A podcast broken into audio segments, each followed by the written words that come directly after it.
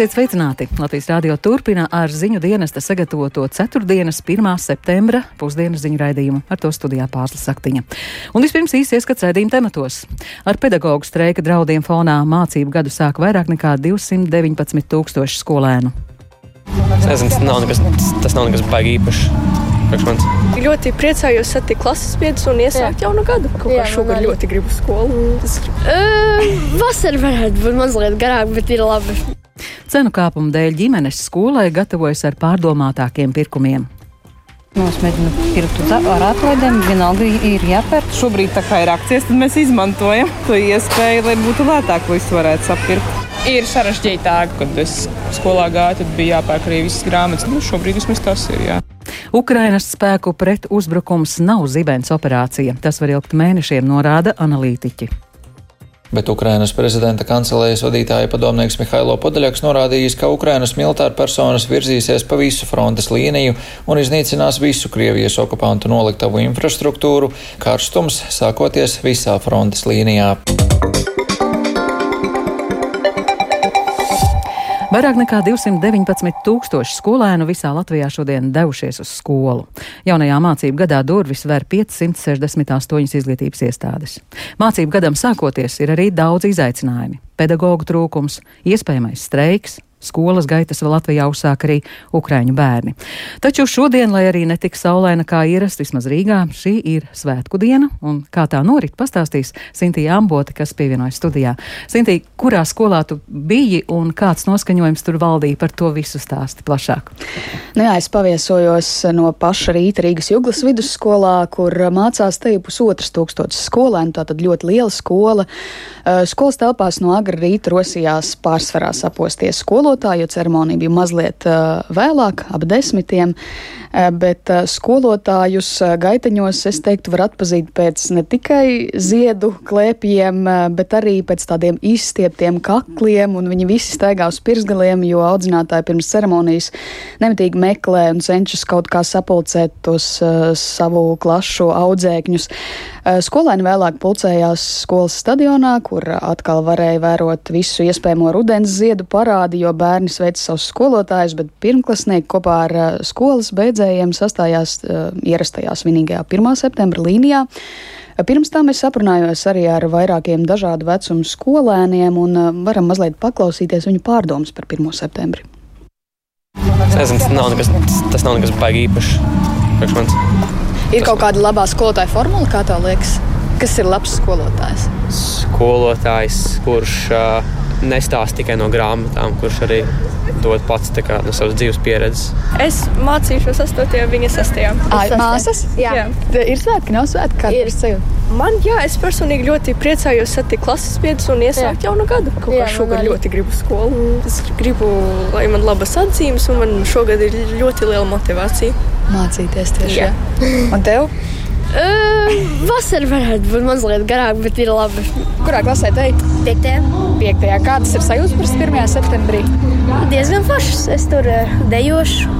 Dejosi. Tu Jā. uzstāsies tajā ceremonijā 1. septembrī. Ko dejosi?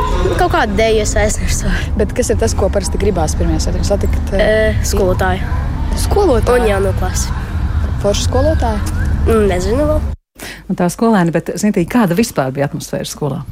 Nu jā, es radio klausītājiem par 1. septembri esmu ziņojis jau tiešām vairākus gadus un novēroju, ka jau ierasti pirmklasnieku sejās ir vairāk tāds entuziasms un, un var teikt, tāda neziņa.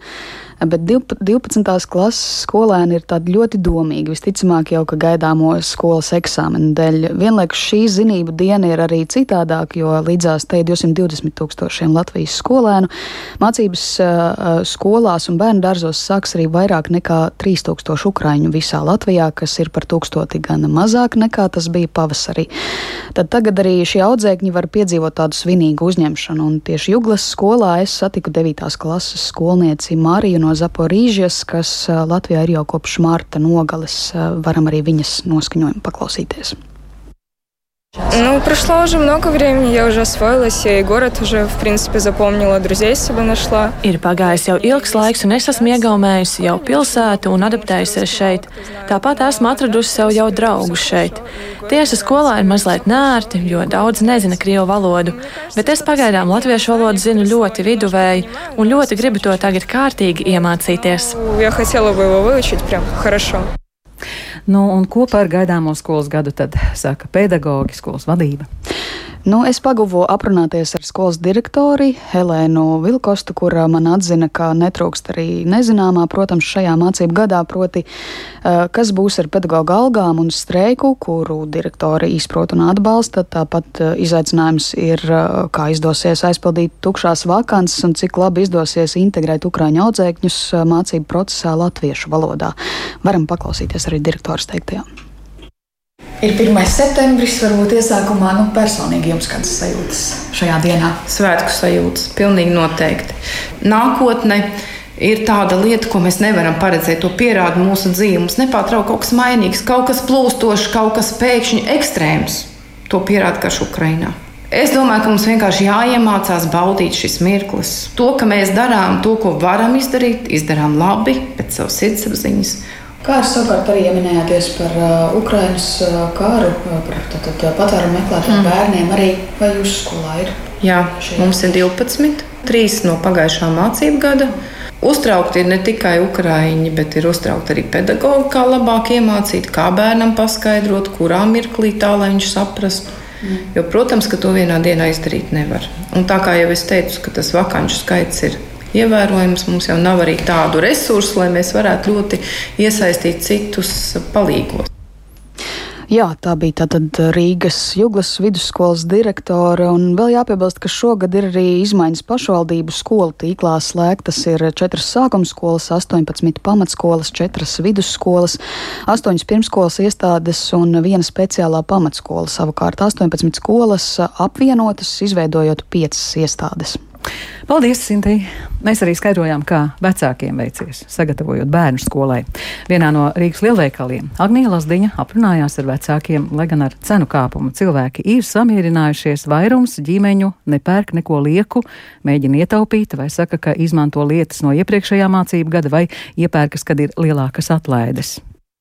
Vai šogad ir grūtāk gatavoties salīdzinot ar pagājušo gadu? Nu, īstenībā nē. Nu, es mēģinu pirkt ar atlaidēm, vienalga ir jāpērk. Šobrīd tā kā ir akcijas, tad mēs izmantojam to iespēju, lai būtu lētāk visu varētu sapirkt ir sarežģītāk. Tāpēc arī uh, iepirkos, kad uh, ir akcijas, tad ir uh, nedaudz vieglāk apģērbu. Mēģinu pirkt iepriekš, arī kad ir izpārdošanas, kad var, vēl var kaut ko atrast izpārdošanās, jo tagad jau ir grūtāk. Nu, īstenībā nevaru pateikt, ka ļoti grūti, ja tur starpība varbūt ar to kancelēs precēm tur nu, klāt varbūt 10 eiro, nu, bet nu, lieku es jau nepērku. Kā ir ar apģērbu? Es cenšos laicīgi visu iegādāties kad ir vasara, kad ir ļoti labas atlaides. Es skatos to, kas būtu nu, noderīgs skolai, un cenšos, protams, uz to apģērbu taupīt ar atlaidēm. Kad iegādājos, tad jau saprotu, ka kaut kādas izmaksas tam visam līdzi iet. Ja? Nu, teiksim, nu, es atceros to laiku, kad es skolā gāju, tad bija jāpērk arī visas grāmatas. Nu, šobrīd vismaz tas ir. Jā. Un kā ir ar apģērbu? Nu, tāpat jau viss tas jau ir. Nu, tāpat jau ir dārziņš bijis pirms tam, tāpat ir kaut kāds ārpus izglītības iestādes, sporta nodarbības. Tas bērns aug. Un, protams, to, tas viss ir jāmaina, bet tas jau nav nekas tāds ārkārtējs. Nav jau tā kā skafandrs jāpērk. Augstās inflācijas dēļ, salīdzinot ar iepriekšējiem gadiem, ir arī krietni pieaudzis to ģimeņu skaits, kas vērstušās pēc palīdzības gan pašvaldībās, gan dažādās organizācijās, lai varētu nodrošināt savus bērnus ar visu nepieciešamo skolas gaitā. Un plašāk Agnijas Lazdiņas ierakstā. Šodien, 1. septembrī, skolēni atgriežas skolas solos, tomēr augstā cenu kāpuma dēļ šogad ir krietni audzis to ģimeņu skaits, kurām nepieciešama palīdzība, lai nodrošinātu bērnus ar skolas lietām un apģērbu. Kā stāsta organizācijas māmām un tētiem vadītāja Inga Akmentiņa Smildziņa, grūtākais mācību gada sākums ir tiem vecākiem, kuriem uz skolu jālaiž vairāki bērni, jo tas prasa papildu izmaksas. Daļa vecāku, tādi, kas ir, piemēram, jau maijā iepirkuši daļa no skolas lietām. Daļa, diemžēl, jūtas tādā satraukumā par to, ka tik daudz tiek runāts par rudeni un ko tas nesīs, jau no skaidrs, ko tas no katras ģimenes, nu, patiešām prasīs. Bet ir daļa vecāku, kas eh, šobrīd jāšausminās par cenām, bet vienlaikus būtiski savus tādus ikdienas ieradumus nav mainījušas. Pirmā vieta, kur lūgt palīdzību, ir sev pašvaldība, bet, kā norāda Latvijas pašvaldību savienība, palīdzību pašvaldības sniedz pēc brīvprātīgas iniciatīvas. Talsu novada pašvaldības sociālā dienesta pārstāve Vija Brando stāsta, ka šobrīd neliels skaits ģimeņu vērsies pēc palīdzības, taču paredz, ka šomēnes tas pieaugs, tāpēc meklē risinājums, kā palīdzēt visiem skolēniem, kam vajadzīgs atbalsts. Pašvaldības sociālajā dienestā ir iespēja sniegt sociālo palīdzību ģimenēm, kurām ir noteikts trūcīgs vai maznodrošināts maisainiecības status, vai ģimenēm, kurās ir bērniņš ar invaliditāti. Tiek nodrošināts atbalsts 50 eiro apmērā katram bērnam skolas preču iegādai. Un tad ir vecāki, kas nāk ar šiem čekiem, viņi ir iegādājušies skolai nepieciešamās lietas, viņi lūdz atmaksāt preču iegādi. Biedrības Open radošais centrs vadītājs Edijs Klaišs atzīst, ka šogad it īpaši ir pieaudzis to jauniešu skaits, kas vērsies arī pie viņiem. Ir pietiekami daudz jaunieši, kuriem vecāki nevar atļauties sagādāt visu skolai, bet ir šogad šausmīgi izteikts tas, ka bija ļoti daudz palīgā saucienu tieši no mālas. Bija viena daļa, tātad, kuri bija mūsu redzeslokā, bet tie bija arī jaunieši, kuri pirmais viņu zvans mums bija saistībā ar to, ka viņiem vai mēs nevaram palīdzēt ar kaut kādām skolas lietām. Klaišs gan norāda, ka cilvēku atsaucība ir milzīga un diennakts laikā ir izdevies atrisināt problēmu, palīdzot visiem jauniešiem. Arī labdarības organizācijas Ziedot LV vadītāja Rūta Dimanta stāsta, ka šogad, sadarbojoties ar vairāk nekā 40 citām reģionālajām labdarības organizācijām, tiek palīdzēts ģimenēm, kurām situācija ir visgrūtākā, sniedzot gan dāvanu kartes no Jāņa Rozes grāmatnīcas, gan citas praktiskas lietas, ko ir saziedojuši cilvēki. Ja es salīdzinu ar uh, iepriekšējā gada augustu, tad es varu teikt, ka gandrīz nesaņēmām šādas palīdzības lūgumus. Un šogad pie, jā, katru dienu mēs saņemam vienu vai divus tādu lūgumu. Skaidrs, ka ir pieejams gan tā saucamo vistrūtīgāko personu palīdzības tādas pakas skolas gaitas sākšanai, gan arī pašvaldības izsniedz savus pabalstus, bet mēs no dzīves, no prakses redzam, ka šogad ar šo te palīdzību ir par maz. Tāpat arī šogad liels izaicinājums ziedot LV ir palīdzēt sagatavoties jaunajam mācību gadam vairākiem tūkstošiem ukraiņu bēgļu bērniem, kas Latvijā uzsāks skolas gaitas. Agnija Lasdiņa, speciāla Latvijas radio. Un pēc mēneša saimnes vēlēšanas vai izglītības nozarei sāpīgos jautājumus atrisinās jaunais saimnes sasaukums, ko 14. saimnes kandidāti sola uzlabot, reformēt, attīstīt. Partiju un to apvienību sarakstos, sarakstu programmās ielūkojās Linda Spundiņa. Linda šobrīd studijā. Linda pastāsti, ko sola partijas, kādus risinājumus piedāvā samilzušajām problēmām un vai vispār piedāvā. Sveika pārslabdien, klausītāji! Jā, jau kā Sintī minēja, ir daudz problēmu, kurus satrauc skolotājus, tāpat arī bērnus un viņu vecākus. Kā zinām, šobrīd par izglītību atbildīgie ir konservatīvie. Partijas solījumi nevienmēr tiek īstenoti priekšvēlēšana programmās, tāpēc paskatījos, ko pagājušajās vēlēšanās solīja šī partija, kas iepriekš devējās kā jaunā konservatīvā partija. Šeit solījumi izglītības jomā bija daudz, bet pieminēšu vien dažus. Finansējums zinātnē 1,5% apmērā no IKP, valsts un pašvaldību finansētajās mācību iestādēs mācību valoda latviešu valodā, un viņi cerēja saglabāt mazās skolas un ieviest taisnīgāku skolu uh, finansējumu.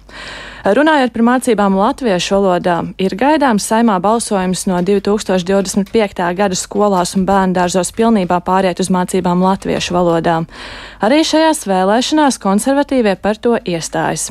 Tāpat vēl piedāvā, citēji, nodrošināsim stabilitāti izglītības sistēmā, sagaidot rezultātus no iepriekš īstenotajām reformām, Katru gadu turpināsim paaugstināt pedagoģu atalgojumu, novērsīsim nevienlīdzību starp pirmskolas izglītības iestāžu un skolu pedagoģu algām. Šobrīd būtiskākās problēmas, protams, ir šie pedagoģu atalgojumi un slodzes, par kuriem arī uh, plānots ir arī pedagoģu streiks 19. septembrī. Aplūkoju, ko šajā jautājumā piedāvā partijas un to apvienības, kas pēc iedzīvotāju aptauju rezultātiem varētu iekļūt parlamentā vai pietuvojas 5% slieksnim. Tātad par algām. Uh, visi apzinās, ka tās vajag palielināt, taču skaidri piedāvā skaidri piedāvājumi ir vien dažiem politiskiem spēkiem, pārējiem min cieņpilnu atalgojumu, prestižam atbilstošu, taisnīgu un tā tālāk. Jaunā vienotība sola gādāt, lai skolotāja darba samaksa par 20% pārsniegtu vidējo darba samaksu valstī. Savukārt progresīvie savā programmā raksta, pedagogiem panāksim sabalansētu slodzi un atalgojumu vismaz uh, valsts vidējā algas līmenī. Nu, un kā ar iesāktajām reformām, un vai ir piedāvājumi jaunām? Šobrīd jau parlamentā esošie spēki norāda, ka sāktās reformas ir jāturpina. Pret reformām bija politiskā partija stabilitātei. Mācību valodu jautājums visās programmās ir iekļauts, nu, daudzās programmās tiek iekļauts par mācībām tikai latviešu valodā ir jau minētie konservatīvie, jaunā vienotība, nacionālā apvienība, progresīvie. Savukārt saskaņa norāda, ka jānodrošina plašākas iespējas izvēlēties mācību valodu visos līmeņa izglītības iestādēs, atbilstoši laika izaicinājumam, darba tirgus prasībām, kā arī ņemot vērā pašu audzēkņu un viņu vecāku vēlmes. Partija stabilitātei ir par izglītību dzimtajā valodā, un Latvijas Krievu Savienība aizstāvēs tiesības uz brīvu krievu un citu valodu izmantošanu izglītības sistēmā visos līmeņos. Vēl partiju sarakstos parādās solījumi par brīvpusdienām dažādās vecuma grupās. Protams, ir arī solījumi par Latvijas augstskolu iekļūšanu dažādos topos. Gribu vēl pieminēt pāris piedāvājumus, kas nedublējās no programmas uz programmu. Jaunā vienotība sola ieviest obligātu vidējo izglītību, iekļaujot arī gala eksāmenu kādā no dabas zinātņu priekšmetiem. Savukārt Nacionāla apvienība vispārējās vidējās izglītības saturā grib iekļaut valsts aizsardzības apmācību, bet progresīvie grib veselības mācību. Paldies! Partija programmās ieskatījās Linda Spundiņa. Šogad pirmo reizi Ukrainas skolas jauno mācību gadu sāks pilna mēroga kara apstākļos. Visu vasaru sabiedrībā bija diskusijas par to, kādu apmācības veidu izvēlēties tieši saistē vai klātienē. Izglītības ministrija ir paziņojusi, ka izvēle paliek vecāku ziņā, bet ļoti daudz kas būs atkarīgs no pašu skolu gatavības uzsākt mācību procesu. Par to, ar kādiem izaicinājumiem jaunais mācību gads tiek sagaidīts Ukrainā, klausieties Uģa Lībieša un Ukraiņu kolēģis Svetlanas Mjaļķinas sagatavotajā ierakstā. Kara darbība, kas Ukrainā turpinās jau vairāk nekā sešus mēnešus, ir ieviesusi pamatīgas pārmaiņas tajā, kā valstī tiek sagaidīts arī jaunais mācību gads. Pilna laika klātienes izglītību varēs nodrošināt tikai tās skolas, kas ir aprīkotas ar bumbu patvērtnēm, gaisa trauksmes gadījumiem. Arī patvērtnēm ir jāatbilst noteiktiem standartiem, piemēram, tās nedrīkst atrasties tālāk par 100 metriem no skolas. Turklāt skolām ir jāpārbauda arī telpas un tuvākā teritorija, vai tur nav atrodami sprādzienu bīstami priekšmeti. Tāpat jāsagatavo brīdināšanas sistēma, jānosaka evakuācijas ceļi, kā arī, ja iespējams, jāprīko patvērtnes ar internetu, jāpiegādā ūdens, medikamenti gadījumam, ja ir nepieciešams turpināt apmācības. Ja ir grūtības nodrošināt apmācības visiem skolēniem, ieteicams ir trenēties vairākās maiņās. Kā liecina Ukrainas izglītības ministrijas sniegtie dati, pilnībā gatavs klātienes mācību uzsākšanai ir aptuveni 60% izglītības iestāžu, un visaugstākie rādītāji ir galvaspilsētas Kijavas, Ļuvijas un Černīvcu reģionos. Savukārt Rīvnes, Černīhivas un Suma reģionu pierobežas skolās no 1. septembra būs tikai tiešsaistes mācības. Arī Harkivā, kur joprojām pastāvīgi turpinās Krievijas spēku uzbrukumi, akadēmiskais gads sāksies tikai tiešsaistē. Pēc pilsētas varas iestāžu rīcībā esošās informācijas uzbrukumos ir sabombardēts vairāk nekā simt skolu. Cietušas arī vairākas universitātes, kurās šogad jauno studentu skaits ir ievērojami samazinājies.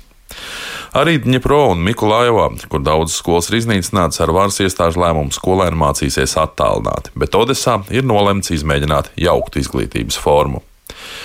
Turpinoties karadarbībai, daudzas Ukraiņu ģimenes patvērumu ir ieguvušas arī ārvalstīs, piemēram, Polijā. Lai arī Polijā ir paredzēts atvērt vairākas Ukraiņu skolas, Aleksandra norāda, ka viņa un viņas vīrs ir nolēmuši nosūtīt savu astoņus gadus veco dēlu Renatu uz poļu skolu. Es uzskatu, ka bērnam ir jāmācās tās valsts skolā, kurā viņš atrodas. Viņam tas vēlāk būs nepieciešams, ja viņš būs spiests šajā valstī uzturēties arī turpmāk. Būs jāzina arī šīs valsts valoda. Es nedomāju, ka Ukrāņu skolās kāds viņiem mācīs poļu valodu, tāpēc, lai nākotnē būtu vieglāk, lai varētu iestāties nākamajā skolā, lai sazinātos un rakstītu, viņam ir jāmācās šīs valsts valoda. Nenoliedzami vissarežģītākā situācija ir Krievijas īslaicīgi okupētajās Ukrainas teritorijās, kur ir gandrīz pusotras tūkstotis skolu. Saskaņā ar Ukrainas izglītības ministra Serija Škarleta teikto, visas Donetskas, Luhanskas un Helsonas apgabala mācību iestādes darbosies attālināti. Okupētajā Mariupolē, piemēram, iebrucēji vēloties atvērt sešas skolas un iebiedējot vecākus, mēģina piespiest bērnus iet skolās ar krievu mācību programmu. Pretējā gadījumā tiekot draudēts bērnus atņemt vai arī atņemt vecāku tiesības. Kā ir paziņojis pilsētas mēra vietnieks Petro Andrušenko, skolas Mariupolē ir vai nu sagrautas vai daļēji sagrautas, taču Krievijas spēki cenšoties bērnus sadzīt skolās, lai izmantotu šos kadrus propagandas mērķiem. Vienlaikus tiek uzsvērts, ka vairums ukrāņu pedagoģu ir no okupētajām teritorijām vai nu no aizbraukuši, vai nu atteikušies sadarboties ar iebrucējiem. Uģis Lībijams, Latvijas radio, Svetlāna Jaļika, speciāli Latvijas radio no Ukrainas. Turpinoties Ukrainas armijas ofensīvai dienvidos pie Hersonas, Amerikas Savienoto Valstu domnīcas kara pētījuma institūts analītiķi brīdinājuši, ka pret uzbrukums var ilgt mēnešus un tā nav zibens operācija. Ukrainas prezidents Valdimirs Zelenskis sacīs, ka arī Donbasā situācija karstajos punktos joprojām ir sarežģīta, un plašāk par jaunāko Ukrainā stāsta Rihards Plūme. Informācijas par ofensīvu joprojām ir ļoti maz. Ģenerālštāps vēl nav komentējis, kā tieši mainījusies frontes līnija Helsonas apgabalā. Zināms, ka trešdien Ukrainas armijai dienvidos izdevies iznīcināt vismaz 200 Krievijas karavīru, ienaidnieka munīcijas noliktavas, militāro tehniku un bruņojumu. Par to vēsta operatīvā pavēlniecība dienvidi. Ukrainas spēki blīvi apšaudīja Kahovkas un Darjivkas tiltus, neļaujot ienaidniekam tos izmantot tehnikas un munīcijas pievešanai. Tika arī iznīcināta ienaidnieka izveidotā pontona pārceltuve Darjivkas rajonā. Militārais eksperts Oļegs Ždanovs izteicies, ka Ukrainas karaspēks pārliecinoši virzās Hersonas virzienā. До Херсону ще на початку цих дій. Наскільки і де ми сьогодні просунулися вперед? Trešdienas sākumā tas atradies aptuveni 20 km attālumā no pilsētas nomalis. Ukrainas bruņotie spēki ir pavirzījušies uz priekšu, taču grūti prognozēt, cik lielā mērā. Eksperts norādīja, ka Krievijas karaspēks Helsonas apgabalā bija ne tikai ielangts, bet arī pārgriezts uz pusēm, un saziņas starp abām ienaidnieku grupējuma daļām nav. ASV Domnīcas kara pētījuma institūts analītiķi brīdinājuši, ka Ukrainas spēku pretuzbrukums var ilgt mēnešus, un tā nav zibens operācija. Analītiķi atzīmē, ka Krievijas aizsardzības ministrija sāka veikt informācijas operāciju, lai Ukrainas pretuzbrukumu pasniegtu kā izšķirošu neveiksmi, tomēr nesot pamata aizdomām, ka Ukrainas pavēlniecība pretuzbrukumam būtu izvēlējusies nepareizu laiku. Ukrainas prezidents Valdemirs Zelenskis sacījis, ka arī Donbasā situācija karstajos punktos joprojām ir sarežģīta. Дуже тяжкими залишаються бої на Донбасі. Гарячі точки регіону не змінились. Kaujas Donbasā joprojām ir sīvas. Karstie punkti reģionā nav mainījušies. Mūsu puiši turas pie savām pozīcijām. Esmu pateicīgs ikvienam kareivim par izturību. Дякую кожному воїну за stīķis. Bet Ukrainas prezidenta kancelējas vadītāja padomnieks Mihailo Podaļaks norādījis, ka Ukrainas militāra personas virzīsies pa visu frontes līniju un iznīcinās visu Krievijas okupantu noliktavu infrastruktūru ne tikai dienvidos, bet arī citos reģionos. Tādējādi pēc viņa vārdiem karstums sākoties visā frontes līnijā.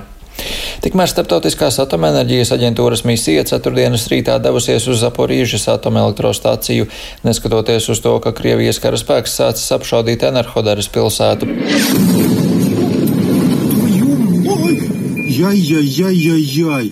Iepriekš ceturtdien Enerhodaras mērs Dmitro Orlovs paziņoja, ka kopš pulksten pieciem rītā pilsēta tiek nepārtraukti apšaudīta ar mīnmetējiem un ka dzirdamas arī automātisko ieroču kārtas. Apšaudas rezultātā ir nogalinātie un ievainotie. Aģentūras ģenerāldirektors Rafaels Grosī pirms izbraukšanas sacīja, ka misijai ir zināms par pastiprināto kara darbību stācijas apkārtnē, taču starptautiskie novērotāji negrasoties apstāties pusceļā. Rihards Plūme, Latvijas radio.